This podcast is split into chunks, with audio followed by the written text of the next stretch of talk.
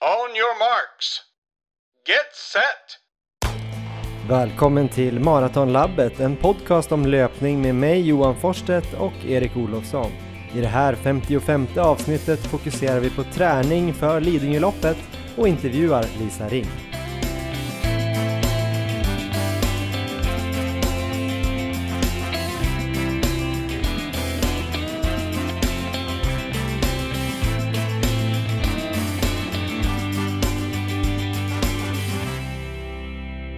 Hej Erik, eh, hur är läget?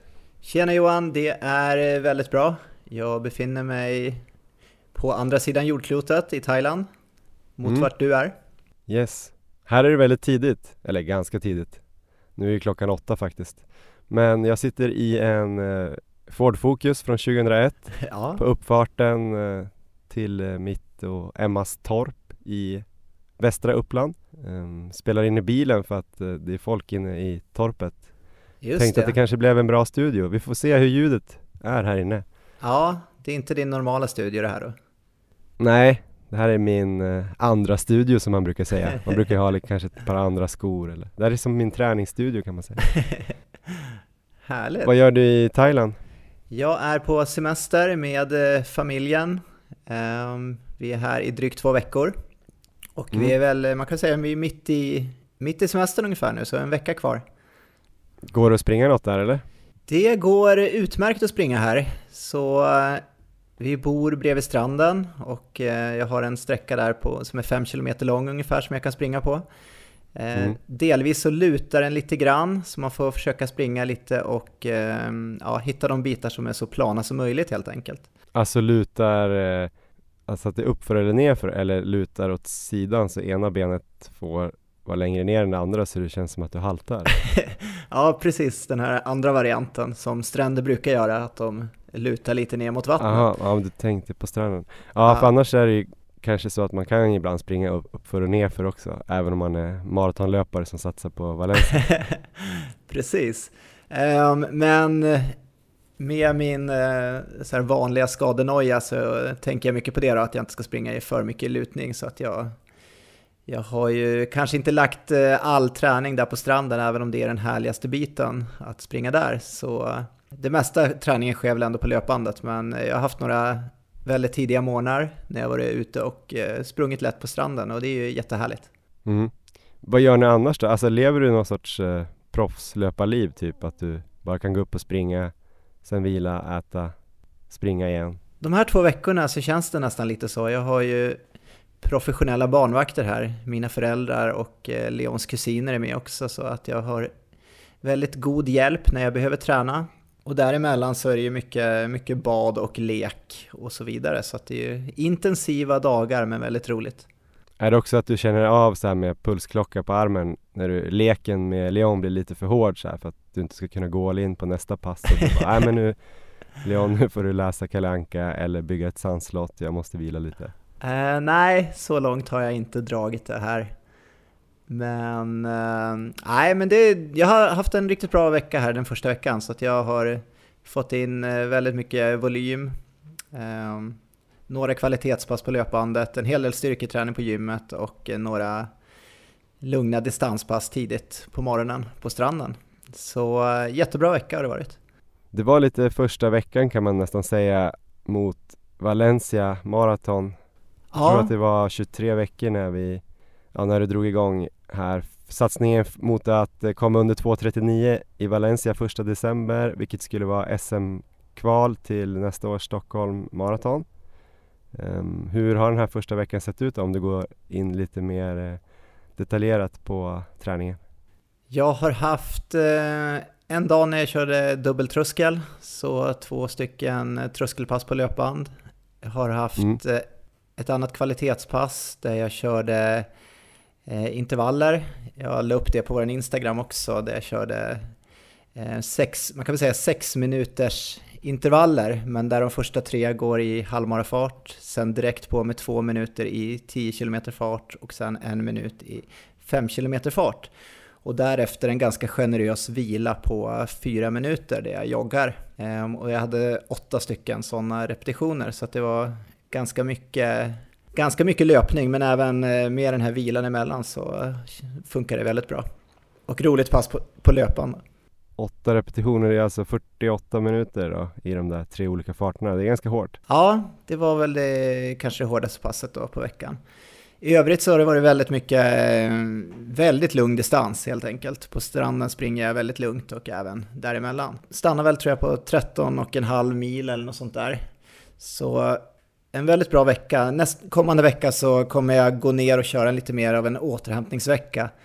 Dels för att vi har lite aktiviteter planerade, så jag kommer inte ha lika mycket tid att springa. Men även för att kanske spara benen lite eh, den här veckan. Eh, för när vi kommer hem sen till Sverige så vet jag att jag kommer ha väldigt mycket tid att springa och då känns det bättre att ladda på lite hårdare den veckan. All den här distansen du har sprungit där nere, hur lägger du upp det? Vad är dina kortaste distanspass så att säga? Och springer du alltid två om dagen eller har du sprungit bara ett? Typ 15-20 om någon dag och sådär? Jag har oftast kört eh, kanske två distanspass hellre än ett långt distanspass på en dag, för det var det lättare att komma loss och få springa. Mm. Men det kortaste var det kanske 8 km och eh, jag har väl haft något som har varit uppåt 15 km. Men hur tänker du då om du har sådär att du ska springa två om dagen, du ligger på ganska hög volym ändå eh, relativt sett med 13,5 mil.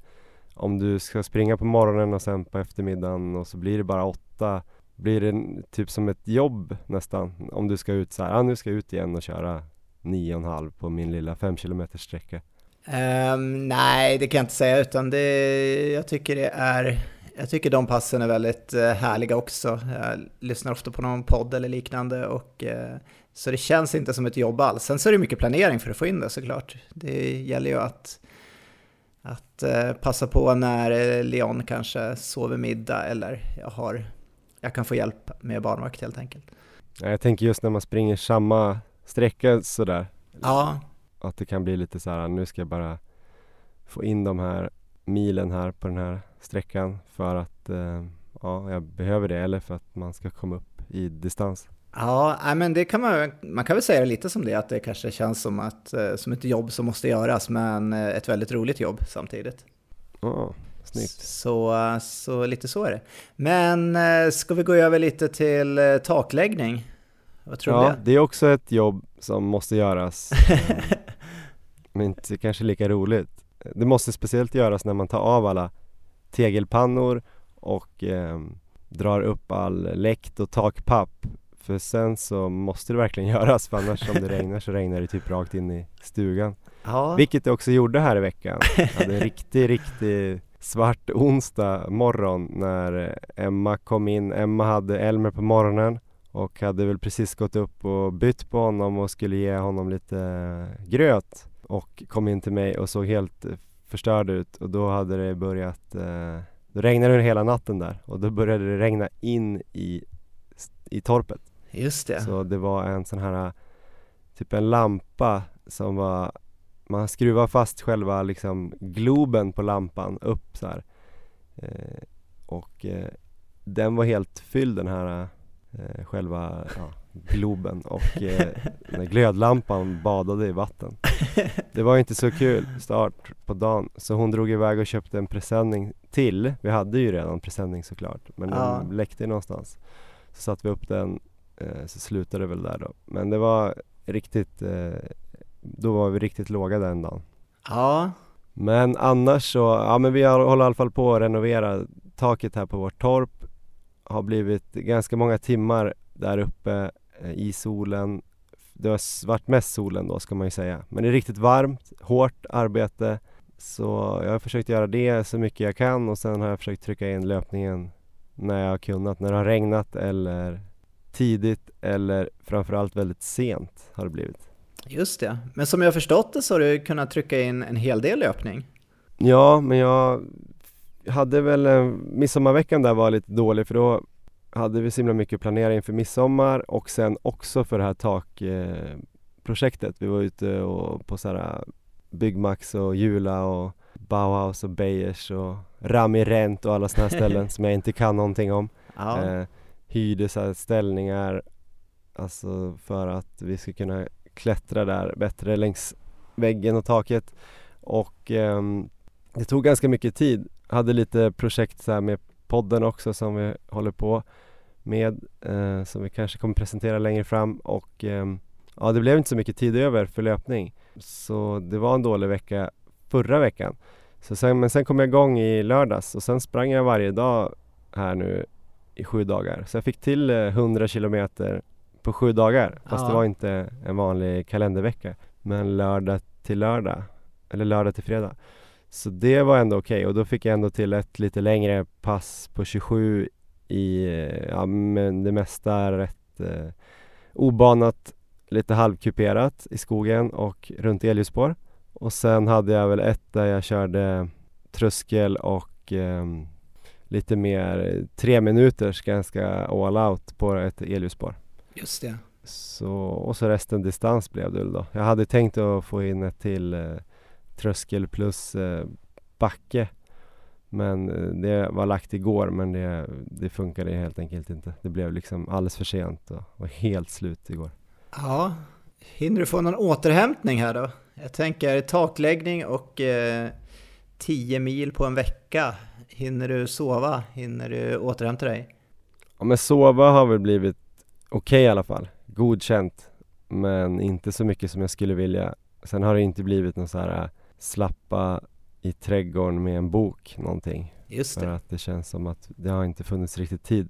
Så ändå godkänt att jag har fått till löpningen och jag tror ändå att jag har hållit återhämtningen på en okej okay nivå men eh, framöver måste jag nog få lite mer tid att vila och kunna köra några hårdare pass också. Men helt okej okay för att få upp lite volymen här. Ja, men det har ju startat bra då kan man säga för båda, den här, den här nya satsningen.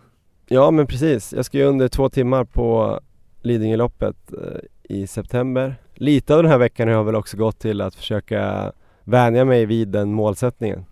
Det känns inte helt glasklart att jag kommer klara sub 2 på Lidingöloppet. Jag satte här i något sms till dig till 1% Du var lite mer positiv. Ja, lite mer tror jag. Ganska mycket mer.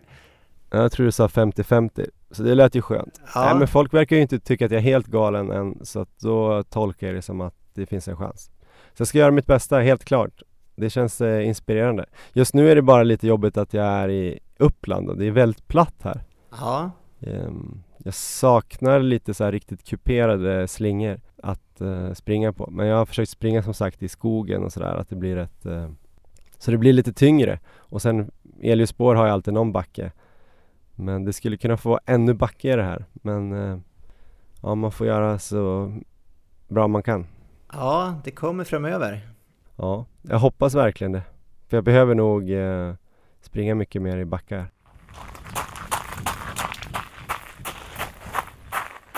En som är bra både att springa i backar och eh, på asfalt som är väldigt platt är ju Lisa Ring. Hon slog igenom 2017 kan man väl säga när hon kvalade in till VM i maraton. Hon har ett maratonpers på 2.37 men har också börjat springa Ultra och vann ju Ultravasan 45 förra året och har nu sprungit VM i Ultra Trail i Portugal här i vår. Hon har också flera gånger sprungit väldigt bra ute på Lidingö, men då på Lidingöloppets 15 km bana. Vi ringde därför upp henne för att prata dels lite om eh, hennes Lisa-löpning, men också för att få då lite konkreta tips för min Lidingöloppssatsning. Varsågoda Lisa Ring. On your marks. Get set! Hej Lisa Ring! Välkommen till eh, Maratonlabbet! Hej Maratonlabbet! I alla fall ena delen av, av oss. Den andra ja. är i Thailand och springer löpan. Eh, hur mår mm. Lisa Ring och hur är statusen på hennes löpning just nu? Eh, idag har jag inte sprungit någonting. Nej, men jag mår jättebra faktiskt. Det gör jag. Eh, sen är det ju så här att jag har gjort eh, extrema urladdningar nu i maj. Samtidigt som jag ändå har hållit på så pass länge. Att jag, var ju, jag är ganska van vid att man känner som man gör just nu efteråt. Det är svårare för dem som känner det här första gången man verkligen gör ett fina livslopp eller man verkligen tar ut sig. Ja, men som ni, alltså det här första gången under tre och sen ska man förbättra sig och så liksom, ja, man sover kanske jättedåligt och sen, ja, sen det som är mitt problem nu, det är ju liksom att jag har haft ett fokus sen sen februari. Eller så egentligen sen jag gick i mål på Ultravasa förra året att jag ville springa det här Ultra Trail i nu då. Eh, men sen när jag väl liksom fick, eh, blev uttagen, då har jag haft det här Lisa leende Ultra, eller ja, VM-jet, Ultra Trail Alltså det har ju varit det enda jag har liksom, någonstans har det hela tiden funnits närvarande oavsett vart jag har varit eller vad jag har gjort. Så har jag mm. ändå liksom försökt att se till att det är dit jag ska. Liksom. Um, så det är väl liksom, man känner sig lite knäpp i några veckor. Uh, det är jädra massa fritid. Jag pluggar inte, jag jobbar inte, jag vilar typ. Och då inser man ju när man inte springer så mycket som jag ändå har gjort igår. Jag har ju tränat väldigt mycket. Uh, hur mycket tid jag har lagt ner och att jag är så glad över att jag har lagt ner den tiden. Mm. Men nu börjar jag ändå känna så att huvudet är klart och jag börjar liksom, ja, lite sugen på att sätta igång igen och sådär. Mm. Vad är du mest nöjd med här i vår då, maj och juni? Jag är absolut mest nöjd med att jag tyckte det var så jädra roligt att springa. Dels med kompisgänget, att vi har haft väldigt roligt vid sidan av alla lopp och lagom sådär nervösa och, och fokuserade innan. Jag är inte sådär, det får inte bli för extremt för mig att man liksom isolerar sig och bara Sen är jag ju noga med vilka som är med, men att man måste ändå liksom gå ut och ha roligt och, och sådär. Och sen är det väl också att jag gjorde ju en liten chansning i att träna mer än någonsin i timmar. Men jag har inte tränat intensitetsmässigt hårdare än vad jag har gjort tidigare. Men timmässigt har jag varit på ganska extrema veckor. Hur har de veckorna sett ut? I början av året så då hade jag gjort Valencia, men jag hade inte känt det jag hade velat, velat känna i min kropp liksom, eh, i höstas. Så jag hade ändå med mig 16 mil i veckan typ sen hösten och sen så hade jag en kravlös jul och bara stod på lite längdskidor och tränade det jag kände för. Sen började jag ändå känna att nu, eh, nu ska jag få lite fart. Så då började jag med så här eh, korta tröskelpass och ja, men, springa, försöka liksom göra test på 3000 meter på bandet och sådär. Men du sa att du hade sprungit mer mängd än någonsin. Hur, hur mycket var det? Jag har sprungit två eller tre veckor med 18 mil. Det har jag aldrig gjort innan. Jag gjorde 1.52 km pass. Vi satt faktiskt och kollade lite på här, hur, jag, hur många ultra jag har gjort i vår. För eh, ja, det är så här sjukt, men jag var, det var ju en chans att springa Stockholm i år och många var ju så här, hur gör hon det? Men jag var inte trött i benen för jag hade ju sprungit så jädra mycket långt. Det, fanns ju en hel, det finns en helt annan styrka och tålighet i benen. Men sen körde jag mina trösklar, för det var, ett, var bara en sån liten, liten artikel i, för jag har inte haft någon tränare i vår och sådär, utan jag har ju kört själv och då fanns det en liten artikel hur man ska stegra sina trösklar under en vår på tio veckor. Jag kör, körde den i princip rakt av liksom. Hur var det då? Jag började ju där med något tre kilometers test. Eh, kände man, nej fy fan, jag, kommer, jag ska inte springa någon mil eh, i år överhuvudtaget. Eh, men sen så började jag med så här två minuter. Man märkte att liksom återhämtningen blev bättre och bättre. Jag kände ändå att nu är jag ju snart där i 3.25, 3.20 liksom. Och sen så var det tre minuter och sen så var det tusingar och många tusingar som ändå höll. Eh, sen var det att jag skulle, anledningen till att jag ville göra det här ultrafail och det här, det var för att jag har varit iväg två veckor i skolan också och gått på tur med massor packning och gått sju mil turskidor och varit ute. Eh, jag är väldigt aktiv i tio timmar om dagen, varit ute. Och det är ju en sån himla hårdhet och styrka. Eh, sen blir man ju livrädd för fart, för man känner ju, nu är det liksom två veckor i mars som jag absolut inte gör någon fartträning, utan jag bara tränar ner mig. Så det var ju så, andra veckan så körde jag längd utöver att vi var aktiva 68 timmar om dagen. Så jag, jag var liksom konstant nedtränad två veckor typ. Eh, och sen vet jag att jag vågade träna ner mig två perioder till. Så jag har egentligen tränat ner mig stenhårt tre gånger. Um, och sen har jag fokuserat på ja, men så här, hur simpla fartpass som helst. Som jag, ja, men antingen jag har kört lite dubbeltröskel men inte sådär extremt hårt utan det har bara varit någon gång i början när jag ändå kände att jag ville verkligen komma tillbaks till fart. Ehm, och sen om jag har kört liksom tusingar eller två minuter, då kanske jag har kört en jogg på kvällen eller morgonen också. Då. Om du lägger ner mycket tid så kommer du komma i form. och samtidigt som jag lever ett ganska aktivt liv vid sidan av, liksom när återhämtar jag mig? Sover jag lunch någonsin? Det har jag inte haft utrymme för.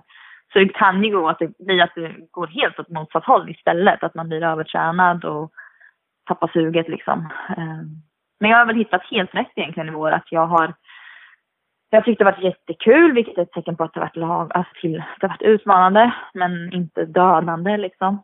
Um, min kropp vill ha lågintensivt många timmar och sen är jag en jäkel på att sätta mina fartpass när jag väl, när jag väl har märkt att jag ändå har gett tillbaka den löpkänsla jag vill ha. Liksom.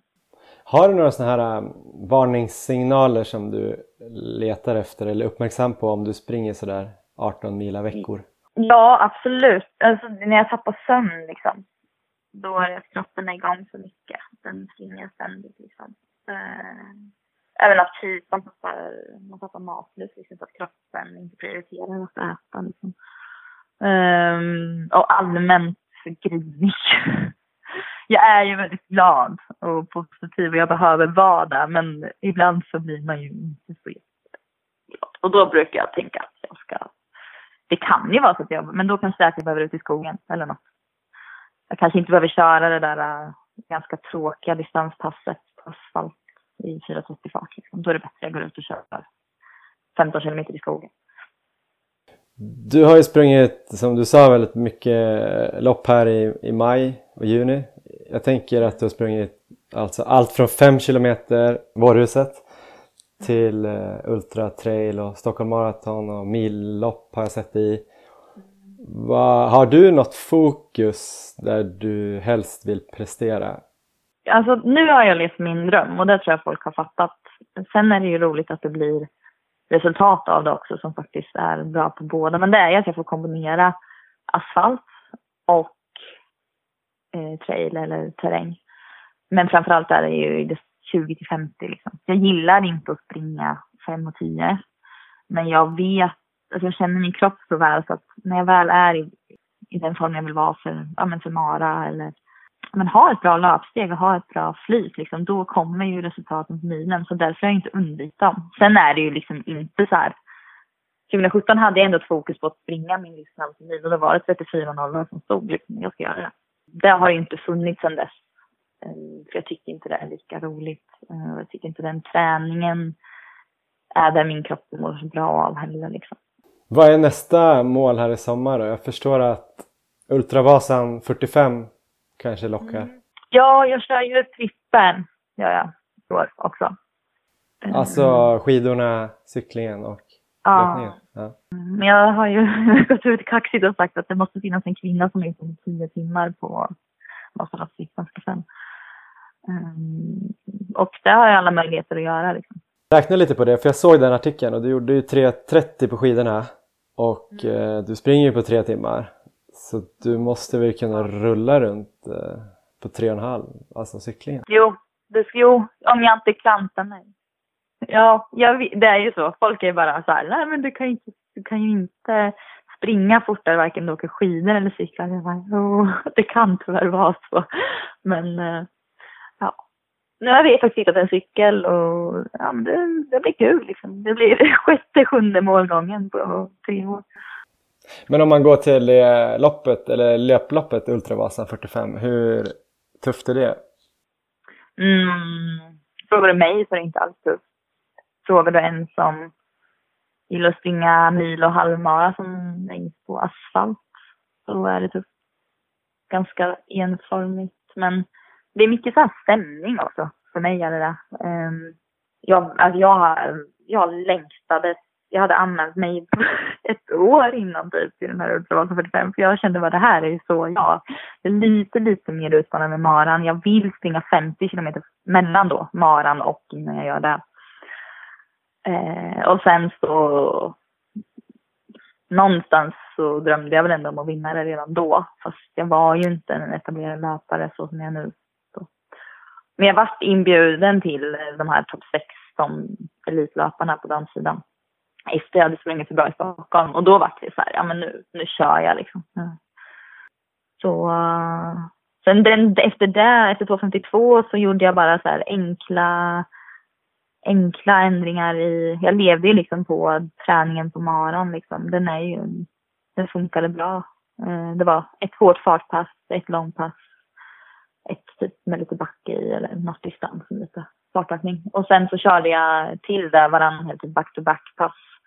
Att jag körde två timmar lördag, två timmar söndag eller 50 på en helg eller 60 på en helg.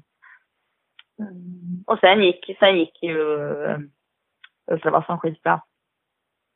Jag vet att jag sprang med de första tjejerna de första tio och så var jag livrädd att lämna dem för att det är ändå, du vet så här, det längsta jag hade sprungit på tävling men jag hade ju gjort min 50 kilometer i juli. Och det har jag ju fortsatt med att jag alltid har sprungit typ 50 plus 50 eller ett riktigt långt bra. Mm. Tycker du att det är viktigt att göra sådana där överlånga pass? Ja, jag tycker det. För att um, Alltså annars hade jag ju aldrig lämnat dem efter 10 kilometer om inte jag hade vetat att jag någonsin har sprungit 50. Och det ändå gick bra. Mm, jag är på många som ska springa längre än maraton. Just för att det här, ja men det är inget att vara rädd för att springa 42. Och att man hela tiden vet att jag är klar att springa längre. Sen är det inte samma hastigheter men det är ändå, för mig kommer jag långt med att jag vet att jag sprungit längre. Hur många tycker du att man kan göra till exempel på, eh, om, det, om man tränar ett halvår för en mara till exempel? Nej, men då, då skulle jag inte, om man inte, jag har ju gjort dem, jag svarar ju på det. Sen är jag väldigt noga med att det, att det finns en återhämtningsperiod. Alltså, de här gångerna jag stannar ner mig nu i vår, det var ju hela tiden att, jag vet i påsk så var jag så här, men behöver jag verkligen leta på mil efter mil? Ja, men, jag, jag, jag har lust att springa, jag har ingenting annat planerat än att vila liksom och äta ordentligt och så här. Så då var det ju självklart för mig, men har man inte det, då ska jag inte säga att man ska göra det mer än en, en gång, en, två gånger. Om man säger att man ska springa Stockholm, alltså man kanske gör ett i januari och ett i mars, men inte mer än så. Alternativt att man kör dub dubbla långpass på en helg, för det kan ju också vara. Eller dubbla långpass på en, samma dag kan man också köra. Om du kör på en helg sådär, kör du liksom lördag kväll och söndag morgon eller räcker det liksom att köra? Nej, jag brukar köra morgon, morgon. Brukar jag köra när jag gjorde det som mest, eller när jag, när jag ändå fokuserade på det inför första Ultravasan, då körde jag klockan tio lördag, klockan tio söndag typ.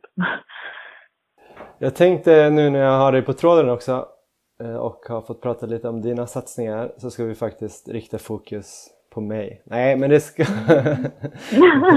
jag skulle vilja mjölka dig på lite information här. Du har ju sprungit Lidingöloppet 15 som du nämnde tidigare mm.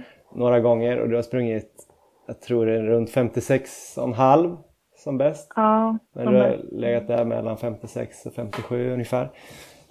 Har du några bra tips till mig om jag ska försöka komma under två timmar? På 30? Ja, för du ska springa 30. Ja.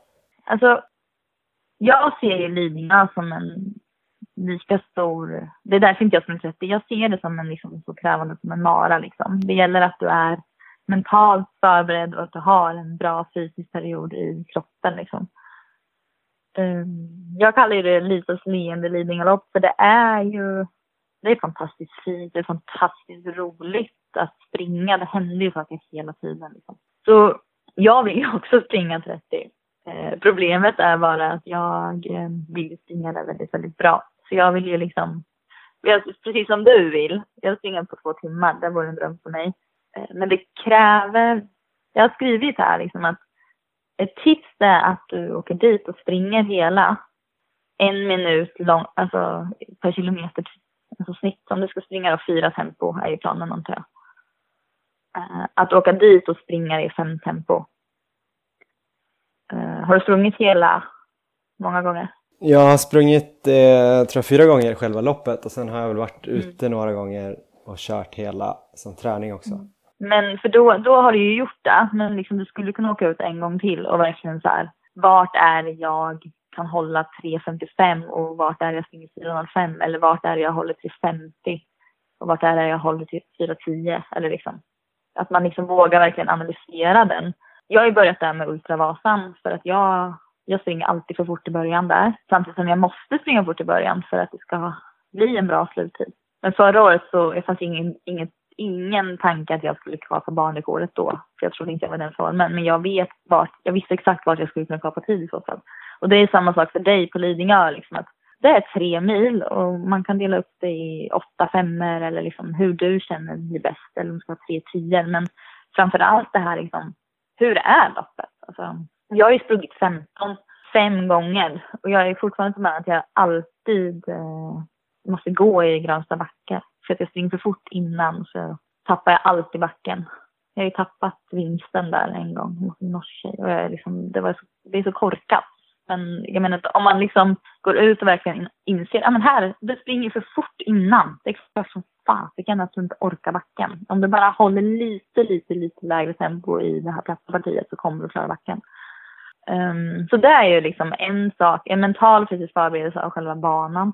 Ännu mer att liksom våga vara nördig, våga analysera. Men så verkligen strategiskt dela in det i olika segment där jag vet att mm. jag kan för det finns ju några delar som är helt platta. Ja, jag vet. Runt Kyrkviken där. Och mm. då kanske jag, här får jag springa på och liksom buffra tid. Men om jag springer för mm. fort där kommer jag ju å andra sidan vara jag rätt trött till backarna sen. Men ja, bra Men det tips. är och sen hade jag, jag tänkte, jag tänkte lite på det för det är ändå roligt. I vår hade jag en, för jag var tvungen att utvecklas eh, just i tekniken i trail. Så jag hade att varannan vecka, och det var också väldigt så här härlig motivation för då det var det något extra att tänka på. Eh, så jag hade varannan vecka uppförsvecka, så hade jag gjort en pil uppåt i mitt träningsschema. Och sen varannan vecka hade jag nedför. Så jag körde liksom varannan vecka bara spurter uppför eller teknik uppför. Och sen körde jag nedförsteknik de andra veckorna. Så om jag var ute, jag bor ganska kuperat, och då har jag, när jag väl har varit ute på mina morgonjoggar, då har jag, om det har varit nedförsvecka, så har jag ju tryckt på nerför. För att mina ben ska slås sönder eller ja, få en belastning som de troligtvis kommer få då på, på det loppet som väntade mig. Och precis som för dig då, trycker jag på nerför eh, i mina vanliga distansrunder och mina joggar nu i sommar då kommer jag förhoppningsvis tåla det ännu bättre när jag springer Lidingö. Så det är också ett tips att men, tänka uppför. Vad gör jag där? Vad gör jag inte där? Hur känns det för mig att springa uppför? Och framförallt nerför. För där är jag kass alltså. Jag har hur mycket som helst att utveckla där. Hur mycket tycker du att, eller har du hittat någon känsla för hur mycket du kan trycka på utan att det liksom blir för hög muskulär belastning? Kan man trycka på hur fort som helst? Nerför? Nej, absolut inte. Nej, det kan inte jag. Sen är det ju Lidingö just nu, det är ju väldigt lätt sprunget. Det är ju inget i vägen liksom. Så det går ju att trycka på nerför, men det blir ju... Jag tycker att det blir att eh, man slår sönder låren. Vilket då påverkar stegen efter. Så det bästa är att du får fram höften, eller liksom att du vinklar i höften. Eh, så att du liksom kommer... Så att du inte får det där trycket på, rakt på låren, för då blir du stabbig och sen så får du inte med dig farten efter. Och det är likadant uppför. Du måste ju springa på den ansträngningen uppför så att du får med så att du kommer få farten över krönet efter. Det värsta är att du liksom går på det här slutkrönet för att du har sprungit för långt i backen och så, så får du inte med dig farten över krönet. Så där sparar man ju jättemycket energi och tid.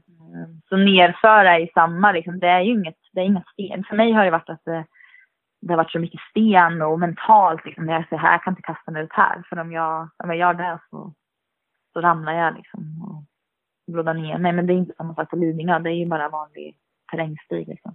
Men behöver jag lägga in, eller ska jag lägga in mycket andra rena backpass också? Eller räcker det att jag gör liksom mina vanliga kanske trösklar eller fartpass i kuperade områden och lägger distansen kuperat och långpassen kuperat? Det är ju det jag skrivit här. Eh, terrängfyror eller ja, precis. Alltså kör har du fyra gånger tre kilometer som jag kan tänka mig att du har eller tio gånger fyra minuter, alltså kör dem skit i eh, vad du får för kilometersnitt. Bara ut och kör slut i terräng. Jag brukar köra där ett varv, upp, ner, upp, ner, upp, ner, fyra minuter eh, innan Lidingö 15. Alltså upp, ner, upp, ner? Alltså som en slinga liksom. Ja. Typ ett elljusspår eller något? Ja, ja. Mm. Likt Lidingö. Det tycker jag man kommer långt med. Sen är det ju det här liksom, ska man ha överfart, men då tycker jag att då kan du ha ett, alltså om du har ett lite längre fartpass, ja men så här marafartspass till exempel inför en mara, de kör du i terräng nu inför Lidingö. Men har du något kortare intervallpass, de kan du, tycker jag, nästan köra då lite plattare. Om du liksom mentalt också, du måste vara sugen på att springa terräng. Har du bara gnetat terräng så, så blir man inte så himla pepp på Lidingö utan det kan ju vara gött att gå ut och köra, ja men känna att jag ändå håller den här superfarten på asfalten liksom. Så några sådana kanske kortare om du har 400 eller något barnpass liksom. Så tycker jag du ska köra där med. Just för de här snabba partierna som ändå finns på, på Lidingö också jag var helt chockad när jag sprang första milen första gången. Jag bara, va? Det här är ju, det här är ju lätt. Alltså, för, alltså inte, för mig var det inte så backigt. Liksom. Tycker du man behöver någon typ av så här extrem backe, typ Hammarbybacken, hålla på och nöta upp och ner där? Eller är det liksom onödigt för det är inte så specifikt? Allt beror på hur du är i huvudet. Jag vet att när jag hade tränare så stod det liksom Hammarbybacken sådär och för mig så blir det bara en mental block att jag ser hur lite höjdmeter det är i Hammarbybacken. Nu hade jag ett, ett lopp med 2000 höjdmeter. Lidingö är väl, vad är det, 700? Ja, 500-600 har jag hört kanske. Jag vet inte. Ja, sex, ja, och då blir det, då kanske det blir mer relevant för då kan du ju ändå få 600 höjdmeter i, i Hammarbacken. Men alltså jag skulle säga att det är bättre att du kör trösklar i, i upp och ner terräng, terränglösande spår har man tid och utrymme så är jag alltid bara att köra backe. Men backa finns överallt.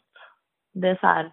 Men det är ju, jag kan ju motivera mig till vilken backe som helst jag ser och bara ta. Men eh, vissa andra behöver verkligen åka till Hammarbacken för att verkligen testa sig själva. Men om man nu har tränat en vår här med, med ganska specifikt mot halvmara och, och sen sprungit någon mil och bara varit van att kunna lägga sig ett, en fart och så är det bara helt platt i princip och så kan man bara nöta på. Eh, Lidingö är ju väldigt mycket där med rytmen. Mm. Alltså kan man göra någonting för att hitta den där rytmen att kunna trycka på och slappna av och du vet, eller är det liksom bara att sticka ut och springa så kommer det av sig själv? Ja men alltså det är ju inte samma sak att springa maran. För där är det verkligen, har du hittat farten så kan du bara ligga och flyta i den. Och det är det bästa som finns när man känner att man har farten och orkar den i 72 eller liksom.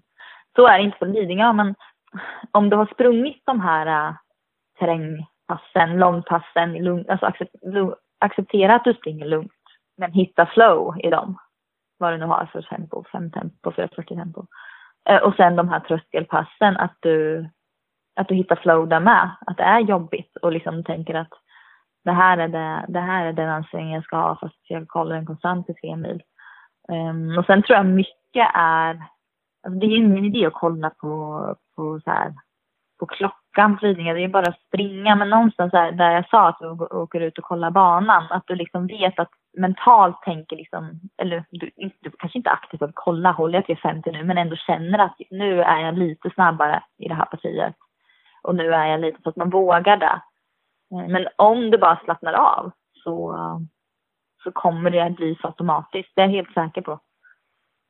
Till sist undrar både jag och Erik lite grann kring dina mentala strategier. När man läser på din Instagram och lite sådär och hör dig prata så pratar du mycket om Lisa-livet och Lisa-löpning och Lisa-leendet. Hur funkar det där tänket egentligen?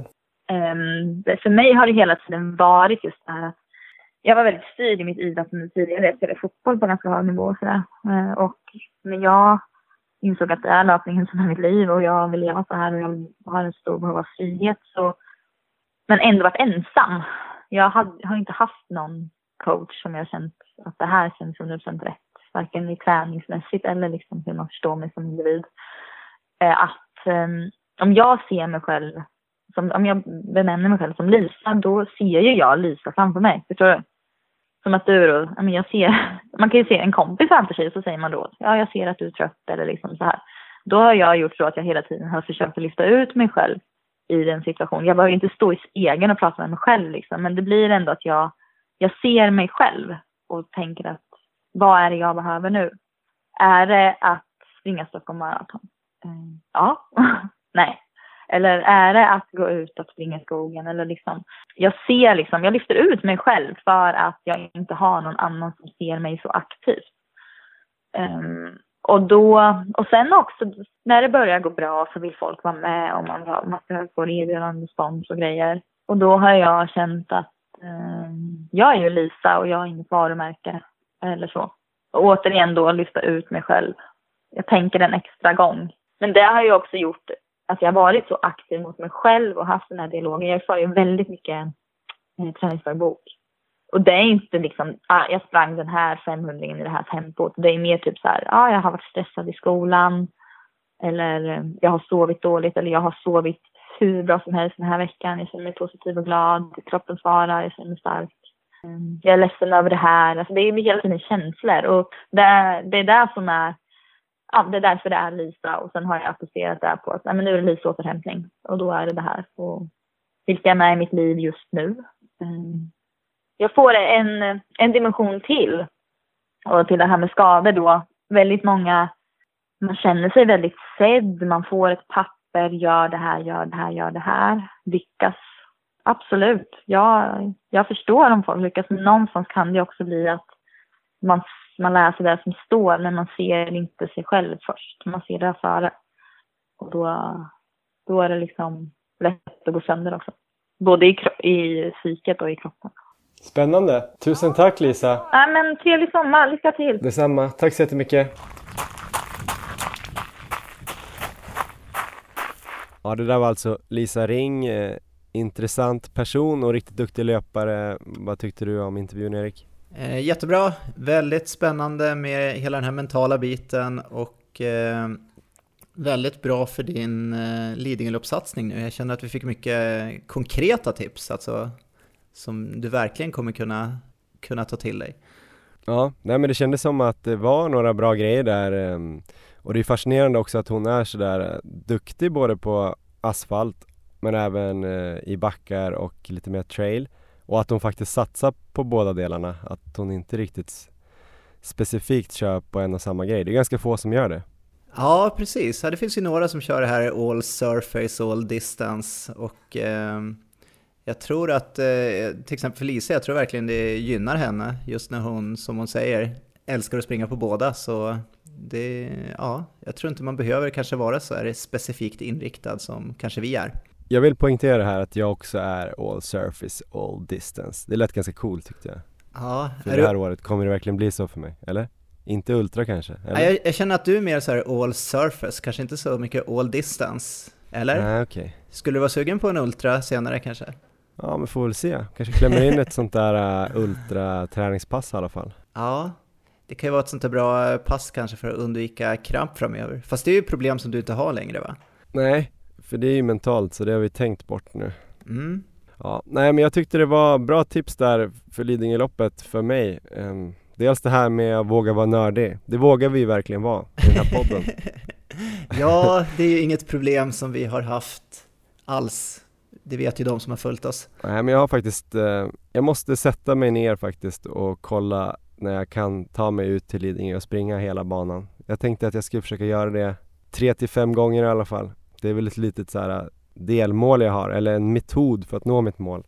Ja. Att eh, åka ut dit och jag har gjort det förut inför något år när jag skulle springa Lidingöloppet. Har faktiskt kört ett långpass eh, där jag åkt till Lidingövallen och sen joggat upp till starten, sprungit hela och sen joggat tillbaks till Lidingövallen. Jag tror det blir 33 ungefär. Så det är också ett bra, lite så överlångt pass för distansen. Ja. Plus att man får verkligen hela, hela banan i ett svep. Man får ju en bättre känsla då för det är ju lätt kanske åka ut och springa en av, eller alltså man delar upp det och springer de olika milarna eller att man springer 20 är ganska lätt också att hitta på banan och springa. Men just att få sista milen när man har sprungit två mil ja. så ger ju hela sista milen en helt annan karaktär än om man bara sticker dit och kör den en gång. Ja, jag gillar verkligen det tipset med att lägga på en minut, springa, eftersom du ska springa i fyra minuters tempo och sikta på fem minuter istället och sen bara kolla där hur backigt är och eh, hur många sekunder som kanske skiljer upp för nedför på de olika delarna. Jag tror just att köra ditt första pass där ute på Lidingö precis så tror jag kan vara perfekt, perfekt start.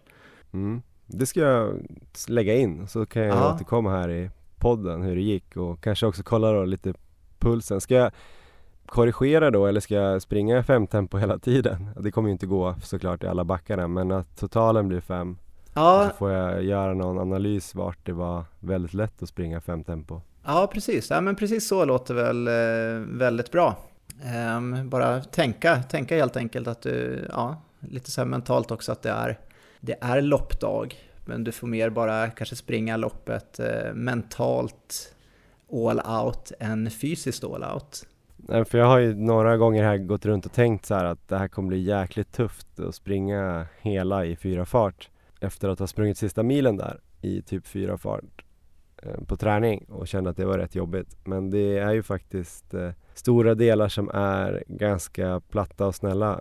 Ja. Mellan typ 8 och 15 kommer jag ihåg att det är ganska behaglig löpning ändå. Så att där kan man nog trycka på lite. Det där är också en avvägning. Ja. Hur mycket man vågar trycka på när det plötsligt är platt. För att typ spara tid. Men just i det här loppet kommer man ju behöva ligga i olika farter helt enkelt. Som maraton skulle jag nog inte rekommendera att hålla på och trycka på på vissa delar för att eh, spara jättemycket tid. Men eh, på Lidingö måste man nog göra det. Ja, det är en helt annan utmaning. Det låter ju väldigt roligt. Jag har ju ingen sån här satsning framför mig, men eh, jag blev lite inspirerad när jag var och lyssnade på intervjun och eh, bara lägga upp planerna med dig här. Mm. Det andra konkreta tipset Lisa hade var att ha specifika nedförs eller uppförsveckor där man tog kanske en vecka och fokuserade extra mycket bara uppför den veckan eh, även på distanspass och sådär. Eh, vad tänker du kring det tipset? Det tycker jag låter spännande. Det, eh, det skulle jag definitivt ta till mig av om jag satsade på Lidingöloppet. Du är ju väldigt duktig både uppför och nerför, men vad, vad känner du? Kommer du börja köra det? Jag har tänkt att jag ska lägga in eh, fokus på backar generellt även under mina distanspass, i alla fall under något av mina distanspass. Att jag liksom kanske trycker på uppför och nedför och sen springer lugnt där det är platt och så kanske man tänker så här, ja men åtta uppför och åtta nedför på den här rundan ska jag ändå liksom fokusera på. Eh, däremot hade jag inte tänkt eh, tanken att springa en hel vecka sådär fokuserat men det är kanske ännu smartare.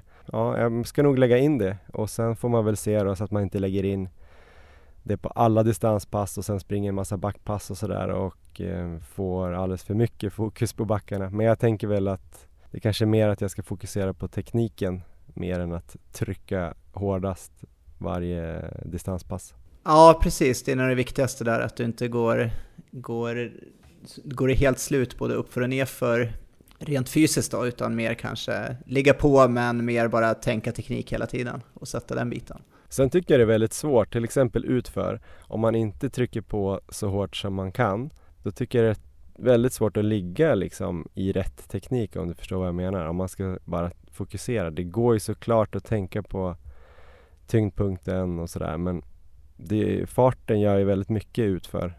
Eh, om du förstår vad jag menar. Det är liksom svårt att hålla igen men ändå ligga riktigt fint. Ja, det kan nog stämma. Jag, eh, ja, jag kan jag kan tänka mycket teknik bara på mina vanliga distanspass när jag är ute och springer. Jag vet inte om det blir... Upplever du att det blir stor skillnad just i backar då?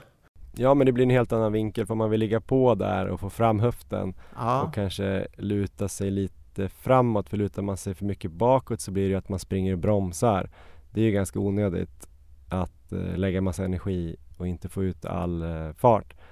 Så då tänker jag att man vill komma fram lite men har man för låg hastighet då så går det inte riktigt att komma fram om du förstår vad jag menar. Så då tänker jag att man vill trycka på lite. Å andra sidan när man trycker på för mycket och ligger så långt eh, framåtlutad mm, som man kanske vill då blir det riktigt hårt nedför och då kanske det kan bli lite väl, väl hård belastning på benen istället. Jag vet inte ja. Jag får börja prova det där och utvärdera det i podden helt enkelt. ja, precis. Du får återkomma med hur det går. Men Det ja, blir mycket utvärdering här nu. Först att springa Lidingöloppet på fem fart och komma tillbaka och utvärdera och sen Men det är väl det kanske hela podden är i och för sig. En absolut. enda lång utvärdering och eh, analys och eh, dissekering av vår träning. Ja, när vi pratar backar Johan så har jag funderat en hel del på det. Du kommer ju springa mycket, mycket backar här, både uppför och nedför eh, nästan hela tiden. Men hur tänker du Mm. med, med backintervaller? Jag tänker på eh, kortare backintervaller, kanske lite längre backintervaller, kanske sådana här backsprints där man bara kanske ligger och springer 10-15 sekunder varje backe med ganska generös vila däremellan. Kommer du använda dig av backintervaller också och eh, hur tänker du i så fall om dem? Ja, men jag har väl tänkt att eh, själva upplägget på min träning kommer väl vara ganska eh, klassiskt med ett långpass och kanske två kvalitetspass och sen eh, fylla ut med distans, kanske två, tre distanspass. Eh, som sagt försöka förlägga allt eller det nästan allt i backig terräng, även de lugnare distanspassen bara för att liksom verkligen få en massa backar gratis hela tiden. Men de här kvalitetspassen som jag kör, det kommer nog bli några specifika backpass i veckan, alltså ett eller två då. Ehm, där jag kommer kanske lägga ganska mycket krut ändå på lite kortare backar. Mm. Framförallt här i början av träningsperioden här under sommaren. Att ändå kunna springa kanske ja, mellan 50 och 200 meters backar, vad vet jag. Och eh, springa dem rätt hårt, nästan som styrketräning för att få lite överkapacitet i backar, alltså muskulärt. Ja. Att kunna liksom eh, känna att, eh, ja men du vet att den farten jag sen kommer hålla på Lidingöloppet i backarna inte kommer vara något problem för att jag kan springa mycket snabbare i de här backarna. Så så kommer jag nog lägga upp det. Sen kommer jag ju säkert lägga lite längre backar, även om det kanske kommer komma mer naturligt. De här långa backarna kanske kommer komma mer naturligt när jag kör kanske tröskel i kuperad terräng. Just det. Så kommer det kanske komma visst antal långa backar i de här rundorna. Eh, men det behövs ju köras lite längre backar. Till exempel eh, Abborrbacken är ju 500 meter lång eller vad den är och eh, stiger väl från havsnivå upp till 48 meter över havet. Så det är väl 10% där. Så lite sådana mer branta, längre backar kommer jag nog köra också. Ja, om du ska köra då längre backintervaller, jag tänker kanske på eh, över två minuter, eh, mm. upp till kanske säg två till fyra minuter någonstans där. När i träningsperioden känner du att de skulle passa in bäst? Är det typ i början nu för att kanske bygga någon slags aerob kapacitet också? Eller räknar du med att du kanske inte behöver köra så mycket sådana långa intervaller alls utan det kommer komma, precis som du sa nu, lite gratis i träningen? För jag tänker de här kortare intervallerna kan ju också vara bra att lägga in lite senare kanske, just eh, lite mer så formdrivande, hårdare backintervaller någonstans mellan 45 och 90 sekunder. Mm. De kortare kommer jag nog kanske ha med mig hela vägen fram. Ja. Eh, de här längre vet jag inte hur mycket jag kommer göra. Jag tänker ju att eh, det blir en period nu fram till augusti ungefär där jag kommer köra så mycket bra träning som jag kan. Jag kommer ju vara på lite olika ställen eftersom det är semester. Så lite här ute på torpet, lite uppe i Östersund och lite kanske någon resa här i Sverige. Så då blir det lite mer, tycker jag, att um, man får försöka få till det så bra som möjligt. Jag tycker det är lättare nästan när man är hemma där man kan liksom terrängen och kan anpassa dagarna efter löpningen på ett sätt eh, och hitta sina bra runder. Men här kommer jag nog köra lite mer hårdare, kortare backar för att bygga upp den här styrkan som jag snackade om. Just det. Och sen får vi väl se om jag kommer ligga och mala i sådana här äh, längre backar. Jag kommer ju springa lite olika lopp här i juli, augusti som jag tror och lite träningshelger. Jag kommer springa dels äh, Salomon 27K på fjällmaratonveckan. Precis innan där, några dagar innan, kommer ju vi vara ute ett grabbgäng i fjällen och springa två dagar. Just det. Och sen har vi vårat fjällläger i slutet av augusti. Ja med 18 snabba starka deltagare som jag måste, som jag måste hålla jämna steg med. Och sen eh, veckan efter där så ska jag springa ett lopp i Bohuslän. West Coast Trail heter det. Det är ett icebug eh, lopp, tre dagars med ungefär en halvmara trail varje dag. Aha. Så jag kommer få in ganska mycket sån specifik eh, träning i de här olika tävlingarna och de här fjällhelgerna. Ja. Eh, och då blir det ju väldigt mycket långa backar, speciellt i fjällen tänker jag. Sen tror jag på Lidingö, visst finns det de här, eh, visst finns det en poäng i att ligga och mala lite längre backar och få det här eh, för hjärtat men jag tror nyckeln för mig kommer nog vara att hitta den här rytmen. För det är mycket så backar som inte är så långa men ganska branta och så är det uppför och så kommer man direkt nerför och så ja. kanske lite plant och så på ett ställe där mellan 15 och 20 eller 16 och 20 så är det väldigt, väldigt mycket upp och ner hela tiden sådär. Och att hitta liksom områden som är lik det eller till och med vara där ute och träna och springa sina vanliga trösklar. Just det, just det. Den typen av terräng tror jag kommer vara väldigt avgörande. Ja, det är kanske är mer givande att köra så än att köra långa intervaller uppåt fyra minuter. Mm. Ja, men det, det, låter, det låter ju väldigt smart. Och eh, hur tänker du med de här, jag vet att det är väldigt populärt nu med sådana här korta backsprints. Jag har sett en del riktigt duktiga maratonlöpare som lägger in en hel del sådana när de springer kanske 10-15 sekunder uppför en brant backe i väldigt hårt tempo med generös vila däremellan. Ehm, då handlar det inte om att bygga någon slags aerob kapacitet egentligen utan mer, mer kanske styrkebiten. Hur tänker du med sådana typer av backsprints? Är det någonting som du kommer lägga in? Ja, men det har jag faktiskt haft ett sånt eh, liknande pass på schemat redan som jag tyvärr inte fick till. Men eh, jag har nog tänkt att göra det absolut för att just eh, bygga upp mig muskulärt. Alltså som en typ av styrketräning. Jag har känt mig lite så här halvklen i benen på sistone när jag har sprungit mycket, mm, mycket terräng här. Jag har känt att det kanske har varit lite eftersatt här i vår när det har blivit mycket asfalt och platt. Aha. Eh, jag känner att jag kanske behöver lite, som att musklerna ska kunna um, hänga med hjärtat på något sätt. Att jag märker att jag springer de här kuperade och känner mig att jag liksom snarare tar, tar, um, tar slut i benen uh, uppför och nerför än att det är hjärtat eller pulsen som blir svinhög. Så att jag tror att det kan vara en av nycklarna tillsammans kanske med lite styrketräning. Ja. Du kör mycket styrketräning. Ja precis, jag kör ju jag siktar på att ligga på kanske tre styrkepass i veckan. Hela vägen fram till Valencia egentligen, kanske inte sista veckan, men eh, kontinuerligt med styrka. Och det kommer ju också medföra att jag kanske inte kör så mycket backe som jag skulle göra annars. Jag får se om jag lägger in lite backträning kanske, men eh, jag kommer istället eh, försöka fokusera på regelbunden styrketräning. Kommer du köra då eh, med tanke på att du kör mycket backträning nu, kommer du köra lite mindre styrka än du normalt gör eller kommer du lägga in styrka också på sidan om?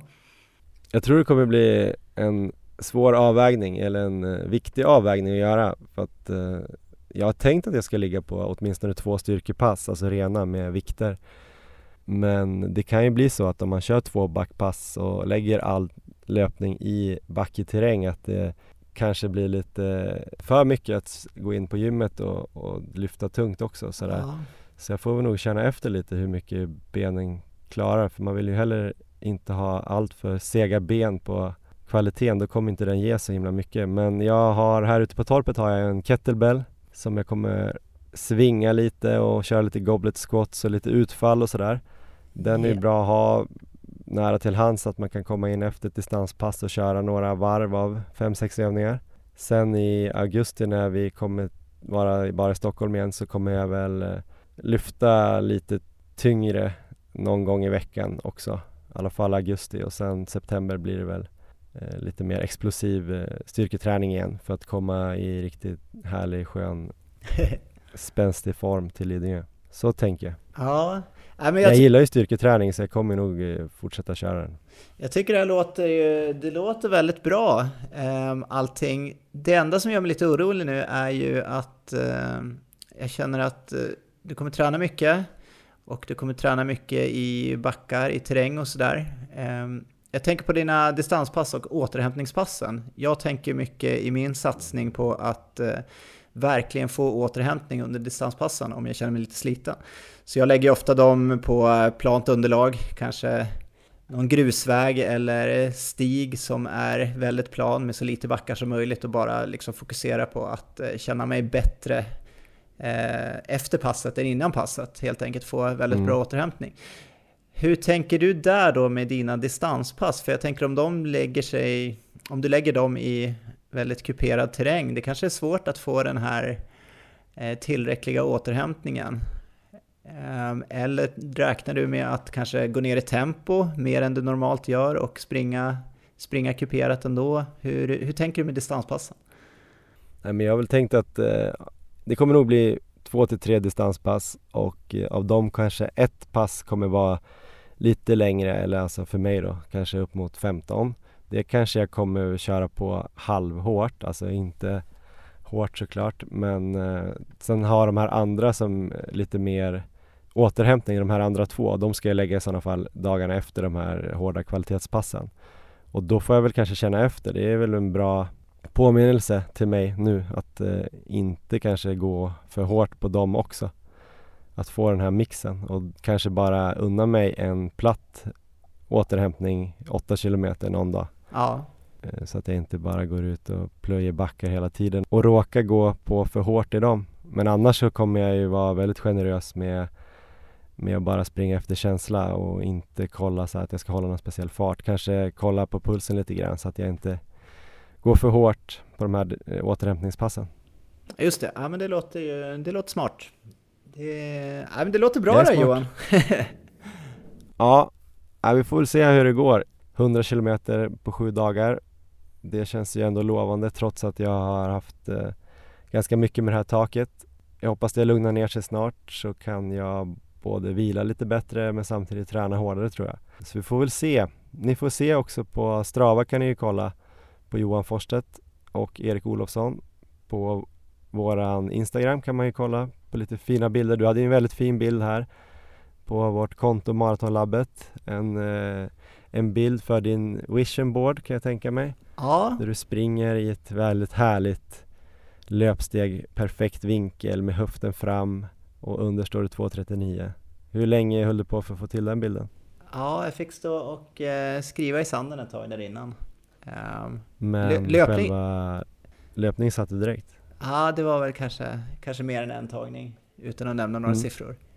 Men eh, däremot kan jag nämna att eh, Strava har inte kommit upp så mycket från mig och eh, det, de passen här, här, i Thailand kommer upp när jag kommer tillbaka till Sverige. Så det ramlar nog in en massa pass då. Mm. Härligt! Lite så är det för mig också för att min eh, överföringsfunktion via bluetooth har lagt ner. Men eh, det kommer upp där i alla fall. Eh, är det någon mer stans man kan följa oss på förutom i podden då också? Eh, jag tror vi har fått med allt va? Härligt! Ja men då hörs vi igen om eh, två veckor då Erik, eh, nästa avsnitt av eh, Maratonlabbet. Vi får se vad vi hittar på då. Ja, det får vi. Lycka till med takläggning och löpning Johan. Ja, jag ska försöka inte ramla ner och bryta nacken här sista dagarna. Eh, och så ska jag kunna springa på bra i sådana fall. Ha det så bra där i Thailand också. Ta det lagom lugnt. Jajamän, ha det bra. Vi hörs.